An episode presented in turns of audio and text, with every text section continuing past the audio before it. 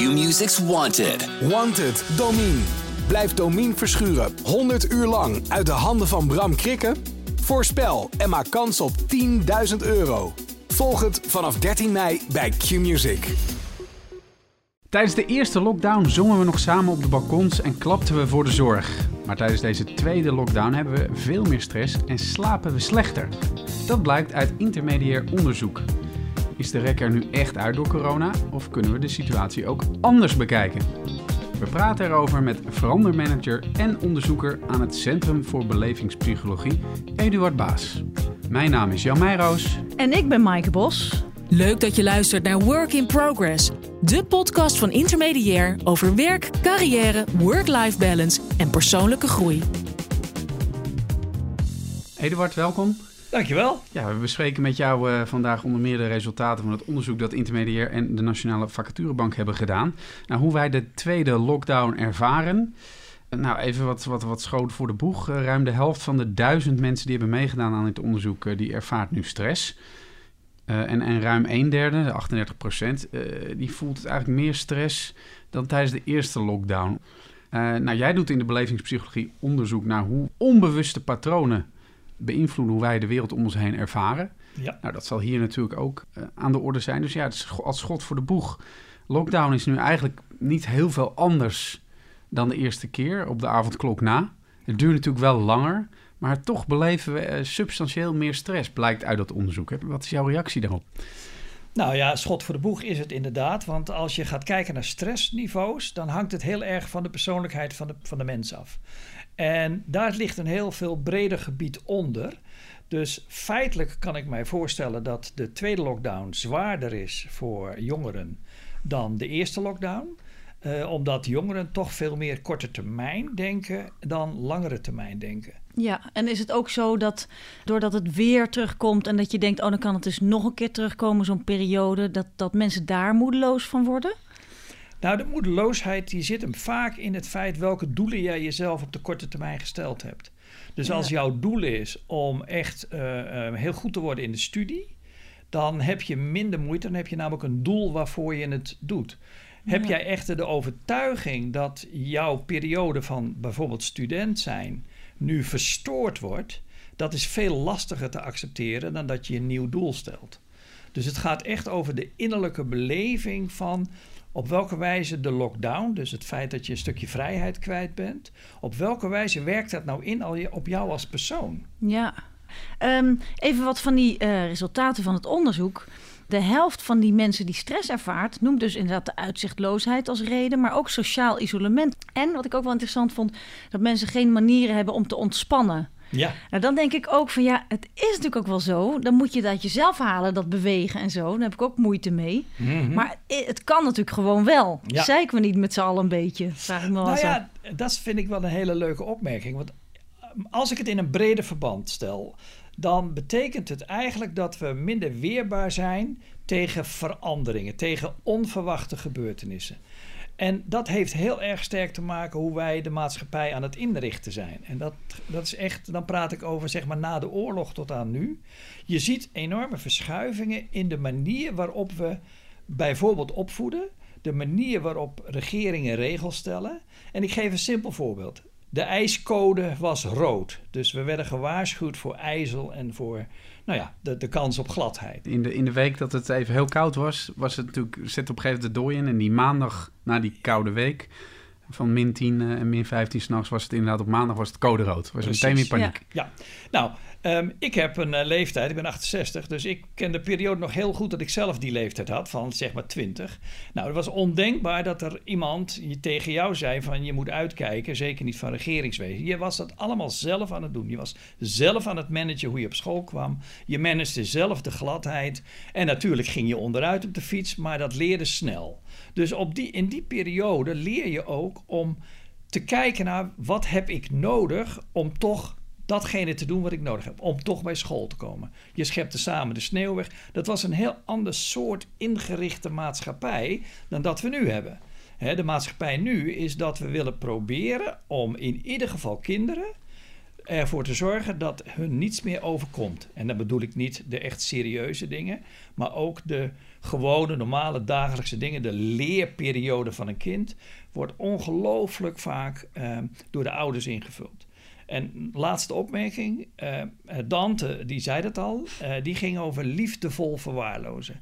En dat is een hele mooie term, want je kinderen moeten ook zelf dat pad leren lopen van tegenslag, van dingen die ze even niet kunnen doen, van dingen die ze in hun hoofd hebben die onmogelijk blijken te zijn, van studiekeuzes. Al die elementen, die hebben we jarenlang eigenlijk systematisch in de maatschappij gebracht.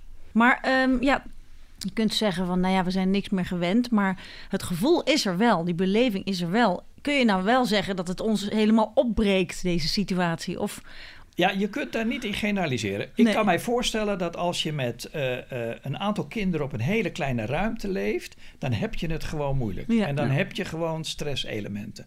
Dat is niet te ontkennen. Ik heb ook echter wel het idee dat uh, een heleboel stressgerelateerde factoren echt komen omdat de jeugd niet meer weet op welke wijze ze ermee om moeten gaan. En dat is natuurlijk wel wat ons onderzoek laat zien, ook in het onderzoek naar burn-out, is dat er heel veel innerlijke componenten zijn in de jeugd zelf, in de mens zelf, die maken dat we op die manier met stress minder goed om kunnen gaan. En dat is natuurlijk een heel belangrijk gegeven. Alleen het is ook een moeilijke boodschap. De makkelijke boodschap voor burn-out is. De werkgever heeft mij te veel werk gegeven. De werkgever let niet goed op mij. De maatschappij is niet goed voor mij hè, als je praat over lockdown. En toch blijkt uit onderzoek dat je heel goed kan zien waar de innerlijke factoren liggen dat de een wel last heeft van stress en Ja. de ander niet. En dat is natuurlijk een moeilijkere boodschap als dat je het buiten jezelf kan houden. Ja, nou, je kunt zeggen dat sommige mensen hebben het echt zwaar, maar uit het onderzoek bleek ook wel dat er goed nieuws was. Dus dat die andere kant is er ook. Eh, kijk, 48% had niet veel stress op dit moment. Dus die helft is er ook. En die mensen die hebben dat niet, vooral door gewenning aan de coronamaatregelen, wat ik dan weer grappig vind. Ehm, en ook oudere mensen tussen de 45 en 65 jaar, die hebben minder stress, want die hebben ook minder problemen met inkomen en eh, ehm, minder baanonzekerheid. Maar wat mensen dus ook zeggen, is er is een betere werk-privé-balans. Ja. Of eh, werkgevers doen extra hun best om, om betrokkenheid te krijgen. Ja. Is het nou zo dat die crisis eh, inventief gedrag ook oproept? Of eh, zijn die mensen die het positief zien, zijn dat gewoon meer optimistische personen? Hebben die gewoon meer die, die patronen op orde om, eh, om de wereld beter aan te kunnen? Ja, die, die, eh, het verschil tussen zeg maar de pessimist en de optimist is, is dat de een het als het ware een onderbreking vindt van zijn normale leven, terwijl de ander het veel meer ziet als een nieuwe invulling van zijn leven. Dus je kunt de dingen eh, accepteren zoals ze zijn en er een nieuwe invulling aan geven, of je kunt eh, eigenlijk blijven kijken naar wat je niet meer kunt. En dat is echt een verschil in mensen. Echt een verschil in hoe jij je als mens hebt ontwikkeld. En eh, natuurlijk is het zo dat de positieve mensen, die, ik zou niet willen spreken van eh, gewenning, maar ik zou willen spreken van acceptatie. Het is echt een acceptatiedeel bijna in de mens. berusting. Als het berusten wordt, dan heb je toch last van stress. Berusten geeft niet vrijheid. Berusten geeft een, een druk op jezelf, omdat je daarin moet berusten. Het is een soort slachtofferschap. Dat is een beetje ziet. die meloen doorslikken die je dan toch maar doorslikt. Hè? Zoals Gert-Jan Segers dat zei. Maar het is niet echt, echt volledige Het is acceptatie. niet echt een volledige Ja. acceptatie. Nou waren er natuurlijk ook eh, wel eh, een aantal eh, resultaten uit het onderzoek die echt schrijnend waren. Er was gelukkig een klein deel. Maar dat was een deel van de respondenten die het er allerergst had meegemaakt. En die noemde dat dan als stressfactor. Eh, bijvoorbeeld een dierbare verloren 5% of hun baan verloren 6%. Ja. Nou, dat is op zich al een, eh, een traumatische ervaring voor, voor, voor, veel mensen. En dan ook nog in een, in een periode eh, waarin, je, waarin heel veel beperkingen op, worden opgelegd. Hè. We kennen allemaal de voorbeelden van mensen die niet bij eh, de laatste, het laatste uur van hun dierbaren mochten zijn. Of pas echt eh, de Ja. vijf minuten voordat eh, het, het tijdelijke met het eeuwige werd verwisseld. Of, of gewoon dat er minder mensen op zo'n begrafenis aanwezig mochten zijn. Ja, En als je daarnaar kijkt, dan dat, dat hoeven we niet te bagatelliseren of mooie woorden aan te wijden. Dan heb je het gewoon zwaar op dat moment. En dat is ook verschrikkelijk als je geen afscheid kan nemen van je dierbaren. En dus zou ik daar eigenlijk niet zozeer de stressterm aan leggen, maar gewoon dat is wel het leven wat op dat moment heel erg op je afkomt. Ja. En als je die term dan als stress ervaart, dan lijkt het alsof je dat niet als normaal mag ervaren. Mm. Want stress heeft toch een negatieve connotatie. En ik zou dan van willen zeggen: laten we dat geen stress noemen, maar echt het leven wat vol bij je binnenkomt en waar je echt van slag van kan raken. Ja. ja. Work in progress. Ergens vraag ik me af. Is het niet ook zo dat we vooral aan de angst voor de angst lijden? Dat we de, dat we de, de uitzichtloosheid, dat, dat vage daarvan, is misschien net zo moeilijk als gewoon verdriet hebben. En klinkt heel. Maar weet nee, je, nee, maar ik snap je helemaal. Dat je, Als je echt weet wat je verloren hebt, dan is dat misschien helderder dan alleen maar die uitzichtloze situatie. Ja, en dat is natuurlijk, uh, hè, zo, uh, dat weten we ook vanuit onderzoek, dat angst is altijd gebaseerd op het feit dat je het niet onder controle hebt. En niet onder controle hebben is natuurlijk specifiek voor de lockdown. Je weet niet wat het virus doet, je weet niet hoe lang het duurt, je weet niet hoe erg het is en je weet niet of het jezelf kan overkomen. Dus dat zijn eigenlijk allemaal angstfactoren die bij elkaar opgeteld worden. Je zult dus een andere manier van kijken, een andere manier van naar jezelf kijken moeten ontwikkelen om te ontdekken welke angst nou feitelijk bij jou werkzaam is. En dat is waar wij van het Centrum van Belevingspsychologie heel veel tijd en aandacht aan geven, omdat dat heel sterk te maken heeft met wie ben jij nu als mens eigenlijk, in plaats van jij als mens in je omgeving. Nou, is het ook wel zo van hè, waarom raakt deze situatie ons nou meer? Die tweede lockdown, dat is een beetje aftasten. Um, die jongere mensen van 25 tot 44 jaar, daar, daar heeft 60% meer last van stress van. Je zei het net al eerder van uh, jonge mensen hebben een andere uh, ja, andere weerbaarheid misschien. Maar je kunt ook zeggen, er is wel degelijk in de buitenwereld uh, een andere situatie. Want zij zitten met die flexcontracten. Zij hebben minder uh, inkomen, minder baanzekerheid. En soms ook die jonge kinderen thuis. Dus um, ja, hoe, hoe, hoeveel ligt nou aan hen? En hoeveel kunnen ze nog wel van anderen vragen om, om bij te stellen? Nou, het is moeilijk om te generaliseren vanuit, uh, ik ben ook therapeut. Ik heb dus ontzettend veel mensen uh, gezien in mijn leven en ook heel veel met angst uh, te maken gehad. En het is dus ook zo dat de meeste angst, die, niet, die is niet reëel. Die, on, die, die treedt nooit op. Dat is een angst voor de dingen die mogelijk kunnen gebeuren. Er is een dichtbijliggende angst. Is dat, is dat de desmens? Dat is, dat is ik weet niet of het des mens is. Het, is. het hangt er ook vanaf vanuit welke context je komt vanuit de opvoeding. Want uh, het Centrum voor Belevingspsychologie houdt zich echt wel bezig met de manier waarop jij in het leven gezet bent en de effecten daarvan. Dus het is ook echt als je een, uit een angstig gezin komt, dan helaas neem je die angst neem je ook weer mee in jouw leven. En die geef je trouwens ook weer door aan je kinderen. Dus het is een ketting die zich eigenlijk steeds maar weer doorzet, tenzij je daar bewustwording op krijgt. Dat je bewustwording krijgt op wat maakt mij angstig. En dat is niet, ja, ik word misschien mogelijk ontslagen of ik heb geen inkomen meer. En natuurlijk zijn dat reële angsten. Hè? Laten, we niet, uh, laten we de zaak niet uh, mooier voorstellen. Als, als je dreigt ontslagen te worden, dan heb je daar echt een serieuze angst over. De mensen die wel beter geprepareerd zijn innerlijk, die, die denken niet in, uh, in verlies, maar die denken in kansen. Dus er is een, een hele grote groep mensen, heb ik vanuit mijn ervaring, die ondanks dat ze ontslagen werden, ook wel weer de potentie zagen van hun mogelijkheden. Hm. Dus het levert ook weer kansen op. Dus het is maar net vanuit welke hoek je innerlijk redeneert. Hm. Maar nou is het natuurlijk ook wel zo dat, uh, stel je bent uh, jongere en je begint net aan een, aan, aan, een nieuwe opleiding of een nieuwe baan. Ja, dan is dat toch wel heel anders dan normaal. Ja. En bovendien, als je het over beleving hebt, dat is natuurlijk een totaal andere beleving. Dan kun je zeggen van ja, kom op, een beetje aanpassen, niet zo zeuren. Maar je, je hebt natuurlijk allemaal die verhalen en die voorbeelden van hoe het normaal wel gaat. Ik bedoel, uh, ik sprak laatst ook uh, Kilian Wawoe uh, van de VU. En die, heeft, die is nu bezig met een boek aan het schrijven over werken na corona. En die zei ook van ja, zijn heel veel jongeren die willen gewoon wel weer naar kantoor, omdat ze daar gewoon kennisuitwisseling kunnen doen met seniors. En nu zit iedereen thuis te werken.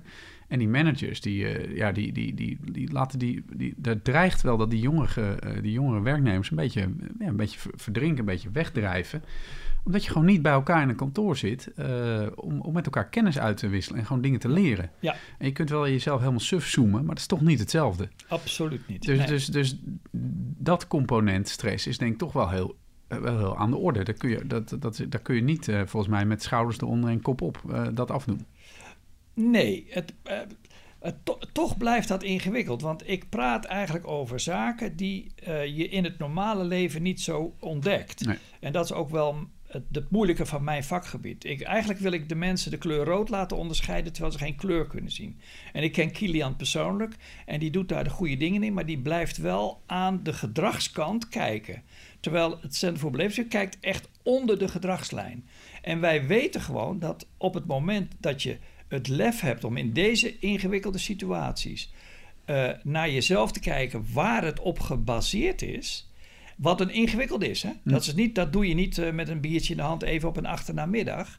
Maar dat je daarmee de kwaliteit van je leven, zeker als je het op jonge leeftijd doet, de kwaliteit van je leven echt kan verbeteren. Dus de stress is er. De stress redeneren we ook niet weg. Helemaal eens met Kilian. Maar feitelijk laten we het eigenlijk dan liggen. Dan zeggen we het is zo. Terwijl wij eigenlijk een, een, een, boodschap willen brengen van het is niet uitzichtloos. Het is niet dat je steeds maar weer hetzelfde moet ervaren in dezelfde omstandigheden. Want als je dus het lef hebt om naar jezelf te kijken. En dan bedoel ik niet kijken van ik heb dit gedaan of dat gedaan, maar echt op een fundamentele niveau. Dan blijkt dat je je veel weerbaarder wordt in, dit, in wat er in de toekomst met je gebeurt. Hoe doe je dat dan? Want dat helpt je echt om beter om te gaan met wat je nu een perspectiefloze situatie kunt noemen. In de zin van het is nog niet duidelijk wat hier allemaal uit voortrolt. Ja. Maar hoe kun je nou dus, uh, ja, hoe kun je nou weten welke, welke patronen waar jij nou zo makkelijk, waar jij nou zo vanzelf inschiet? Ja. Hoe kun je dat nou weten, zeg maar? Hoe kun je daarmee beginnen met, met ontdekken? Nou, het, het, het, de basis van, van eigenlijk waar je naar kijkt is op welke wijze heb ik dat eerder meegemaakt. Dus je probeert een link te leggen tussen de angst die je nu ervaart en de soort angst, namelijk ik raak mijn baan kwijt, dat je gaat ervaren op welke wijze heb ik dat eerder ervaren. De angst voor de baan kwijtraken is reëel. Alleen de angst voor de toekomst die daarbij bedacht wordt, is niet reëel. Dus je kan gaan kijken op welke wijze is mijn leven, heeft zich dat ontvouwd? Op welke wijze gingen mijn ouders om met tegenslag? Op welke wijze gaan mijn broers om met tegenslag? En ik weet natuurlijk uit ervaring, ik, heb natuurlijk heel, ik geef al heel veel jaren les in de ontwikkeling van uh, je persoonlijke uh, kwaliteiten, is dat je daar hele grote stappen in kan maken. En het klinkt natuurlijk best wel ingewikkeld. Hoe kijk je nou naar jezelf? Maar feitelijk kun je daar heel makkelijk ook in boeken. En nou ja, er is heel veel voorhanden. Mits je het ook gewoon wil. En, als, en, en als je dat nou één op één doorvertaalt naar die, die jonge, die junior uh, uh, sales accountant of die junior marketing uh, specialist. Die net twee maanden aan een nieuwe baan begon en daarna naar huis werd gestuurd omdat iedereen in de lockdown moest. die heeft nog nooit eerder dit is zijn eerste baan. Ja. Dus die heeft nog nooit eerder een baan gehad. Dus die kan ook niet op iets spiegelen.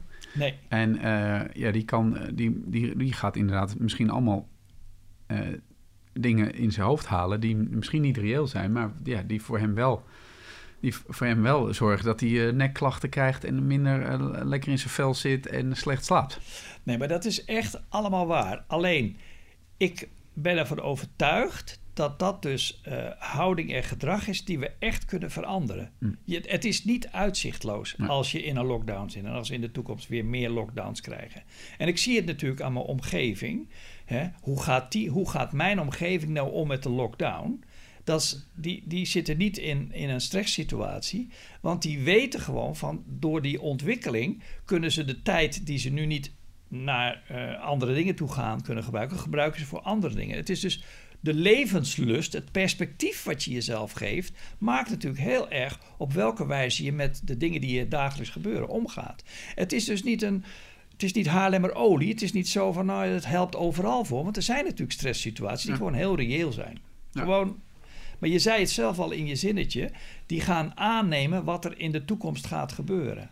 En dat is nou juist afhankelijk van de ervaringen die jij als persoon hebt. Work in progress.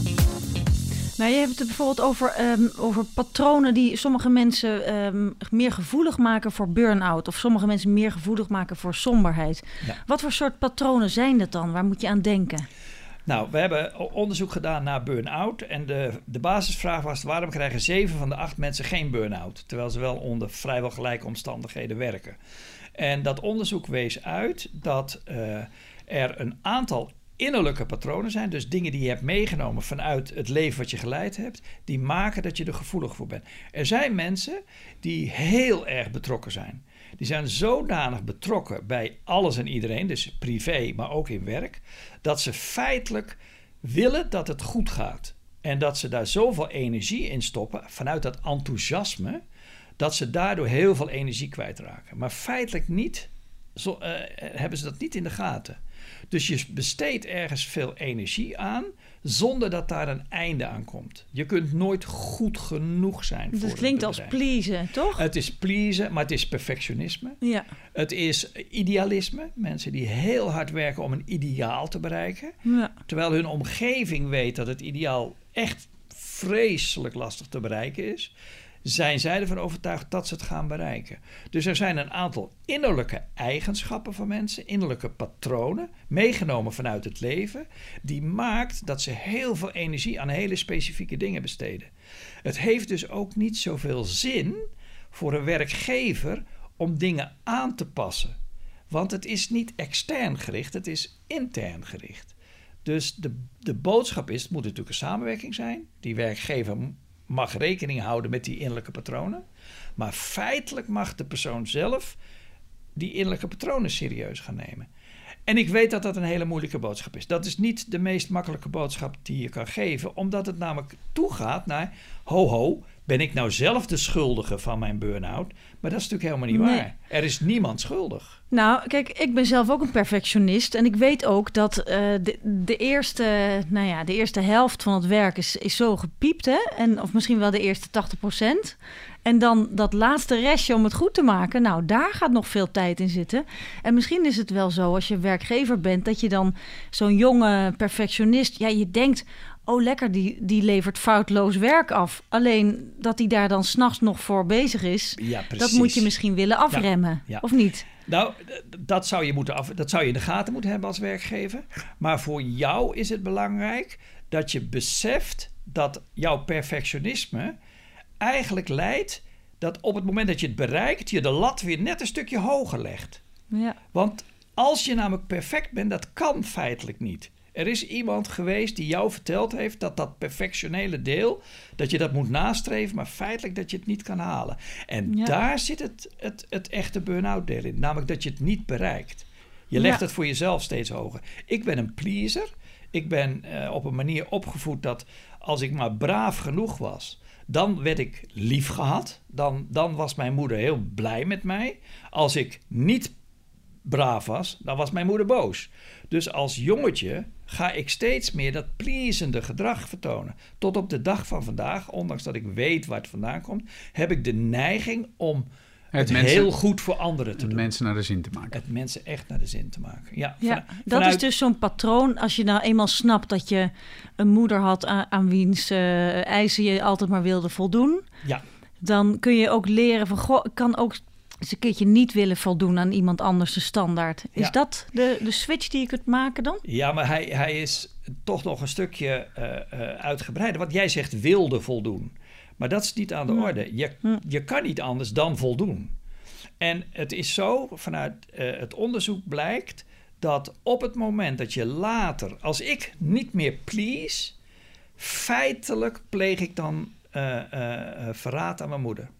Want het zit zo in mij als, als patroon, dat je op latere leeftijd legt niemand meer die verbinding. Maar het is zo gebonden aan de situatie van thuis, dat je feitelijk ehm, niet meer voldoet aan de wensen van, van moeder en dus niet meer lief gehad wordt.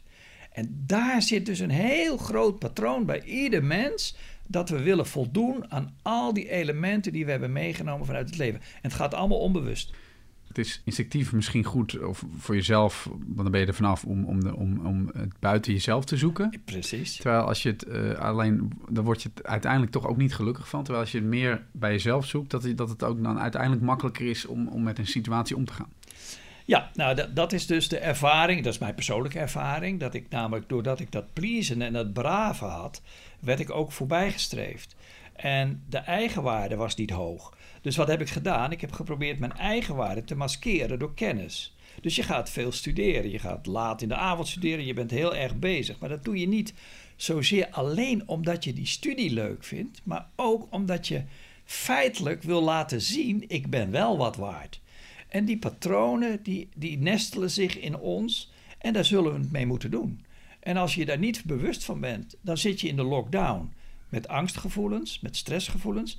En nogmaals, ik kan het niet genoeg benadrukken, er zijn stressvolle situaties. Er is natuurlijk heel veel uh, uh, verdriet als een dierbare. Dus daar, dat, dat wil ik echt scheiden. Maar de mensen die op een, op een kamer zitten en die uitzichtloos uh, zichzelf vinden, die mogen ook eens gaan kijken van wat betekent uitzichtloos nou? Uitzichtloos in een lockdown, dat is heel iets anders dan, een, dan in een uitzichtloos situatie zitten in een oorlogssituatie, zoals in andere landen kunnen zien.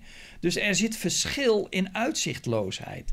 En dat is denk ik heel interessant om dat domweg bij jezelf te beschouwen. Je hebt het allemaal zelf in de hand. En dat vind ik het positieve. Ik vind het een positieve boodschap. Nou vraag ik me dus wel af, omdat dus meer mensen van jonge leeftijd last hebben van deze situatie dan, uh, dan oudere mensen. Um, ja, heel veel van die, die burgemeesters die, die leggen dat dan helemaal bij de maatregelen en zo, die dan onevenredig uh, op de jongeren terechtkomen. Maar is het dan misschien ook zo dat deze jonge generatie door veel te ambitieuze ouders is opgevoed in een prestatiemaatschappij? Leef, le, leeft dat ook nog onbewust mee? Dat, uh, dat geldt voor de, zeg maar de 30, 40-jarigen, maar niet zozeer meer voor de 20, 30-jarigen. Hmm. He, vanuit uh, het onderzoek, uh, er zijn, veel, he, zijn heel veel onderzoeken naar gedaan, is dat die prestatiemaatschappij, die is eigenlijk een stukje minder geworden, omdat we ook beseften wat de psychologische effecten zijn van die enorme druk die je op de kinderen neerlegt. He, dus, dus in die zin is daar een kentering bezig en een kentering gaande dat um, we steeds wel meer psychologisch weten wat bepaalde eigenschappen doen ten, ten, opzichte van je kinderen. Dus daar leren we steeds meer ja. van. Nou, hoe kun je nou zelf dan hier iets mee doen? Hè? Wat, wat is het nou waar je, uh, hoe, kijk, je, stel je voor je zit naast je, in je kamertje, naast je bed, uh, daar staat je bureau en jij zit in die kamer. En uh, ja, wat, wat ga je nou doen om je beter te voelen? Je zit op de rand van je bed en je hebt een angst. Of je voelt je gewoon niet lekker, je voelt je niet happy. Je voelt je niet happy. Dan is het uh, niet ingewikkeld om te gaan onderzoeken bij jezelf: wat maakt dat ik niet happy ben? En dan ga je eerst externe oorzaken noemen. Dan ga je eerst kijken van ik kan mijn vrienden niet zien, ik heb geen contact, ik kan geen Zoom-verbinding krijgen. Je, je hebt allerlei ja. Uh, verschillende oorzaken in je omgeving. Maar dan komt natuurlijk de vraag: zijn deze elementen voor mij op dit moment van het grootste belang? Is het zo dat ik niet meer verder kan als ik dit tijdelijk niet meer kan doen? Ja, je, bent, je, gaat hem echt afpellen. Als je gaat hem gewoon afpellen voor jezelf. Ja. Want ieder mens heeft natuurlijk zijn eigen delen daarin.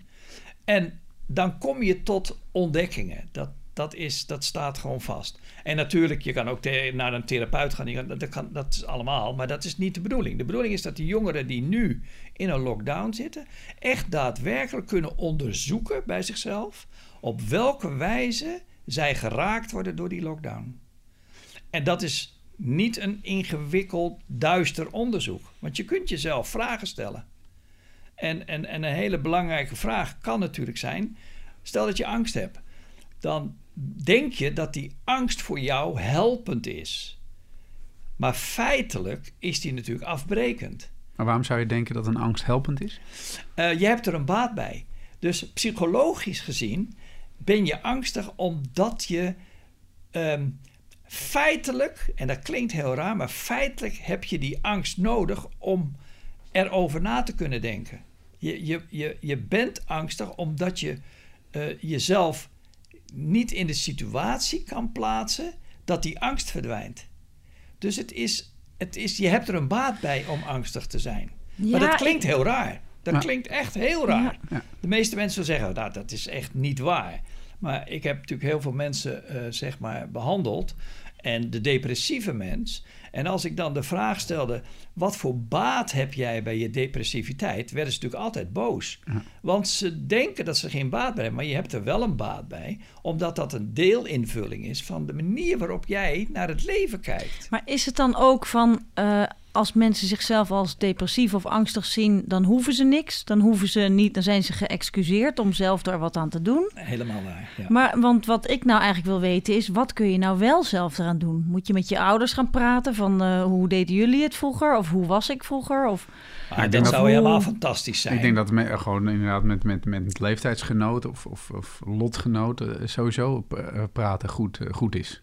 Dat is sowieso goed, maar dan vanuit, niet vanuit de externe situaties, maar hoe een ander die er beter mee omgaat, hoe die dat nou voor elkaar krijgt. ja, Nou ja, gewoon Op- ervaring delen. Ervaring delen, niet de ervaring van wat er in de buitenwereld gebeurt, want die ervaringen zijn vrijwel gelijk, ja. maar de ervaring van wat maakt dat jij luchtiger kan kijken naar deze situatie, terwijl ik er heel zwaar depressief van word. Het is geweldig om dat met elkaar te Nou delen. vind, ik, nou vind ik de term depressief wel echt... eh moeten we wel echt voorzichtig mee zijn, denk ik. Want het, ja, het gaat hier om stress, hè? Sommige, sommige mensen die, ja, die, die hebben een depressie. Ja. Of die hebben depressie, de- depressieve gedachtes. En ehm, ja, dat, dat, dat moet je denk ik altijd wel heel serieus nemen. Precies. Ja. Tegelijkertijd, ja, ik denk dat sowieso praten altijd goed helpt. Eh, Ja. Dat kan eh, eh, met elkaar. En ook, eh, maar het betekent ook wel dat je je kwetsbaar moet opstellen. En dat is, voor ook, dat is weer een andere, andere Ja, woorden voor heel veel mensen. Ja, je moet, je wel, gelijk. je moet wel je schild laten Nou, zakken. plus je moet zo'n soort gesprek dan over de telefoon gaan doen. Ja, of, of- eh, of via Zoom. Dat is best wel een drempel. Maar ik denk dat je ook wel een beetje kunt bedenken van... joh, eh, zeker als je wat ouder bent... en wij zijn allemaal eh, de, de dertig gepasseerd, als ik het aardig zeg... dan weet je ook wel dat er na zo'n periode van een mindere stemming... altijd wel weer een periode van vrolijkheid aanbreekt. Ja, Toch? Ja, precies. En dan kun je ook wel bedenken van, nou ja, het komt wel weer goed. Misschien moet ik wat meer vertrouwen hebben of wat meer Ja. erin leunen. Of, eh, het is een beetje zoeken natuurlijk. Ja, maar, maar, maar, maar, wat Jan zegt is natuurlijk helemaal waar. Als je met elkaar in contact komt en je kan het er inderdaad over hebben, over die gevoelens, dan heb je naast het feit dat je de relatie aan het verbeteren bent, krijg je ook nog eens een keertje input, waardoor je meer zicht krijgt op hoe het bij jou werkt. Dus het is echt durf meer te praten over hoe je het zelf ervaart, hoe je het zelf voelt. ja. En wat je merkt is dat de meeste leeftijdsgenoten delen wat er in de buitenwereld gebeurt. Dat is veel makkelijker Ja. weer. Hè?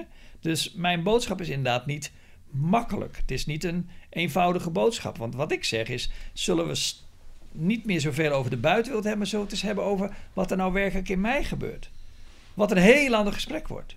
Ja. En wat jij net noemde met ouders, dat zou fantastisch zijn. Ja, ja, dat is nog een grote opgave, maar het biedt wel perspectief. het biedt heel veel perspectief. Dankjewel Eduard voor je inzichten. Leuk dat je luisterde naar deze Work in Progress. Dit was de voorlaatste aflevering. De volgende is in maart en dat is de laatste van deze intermediair podcast. Dus ik hoop dat je dan luistert. Tot dan! Dag.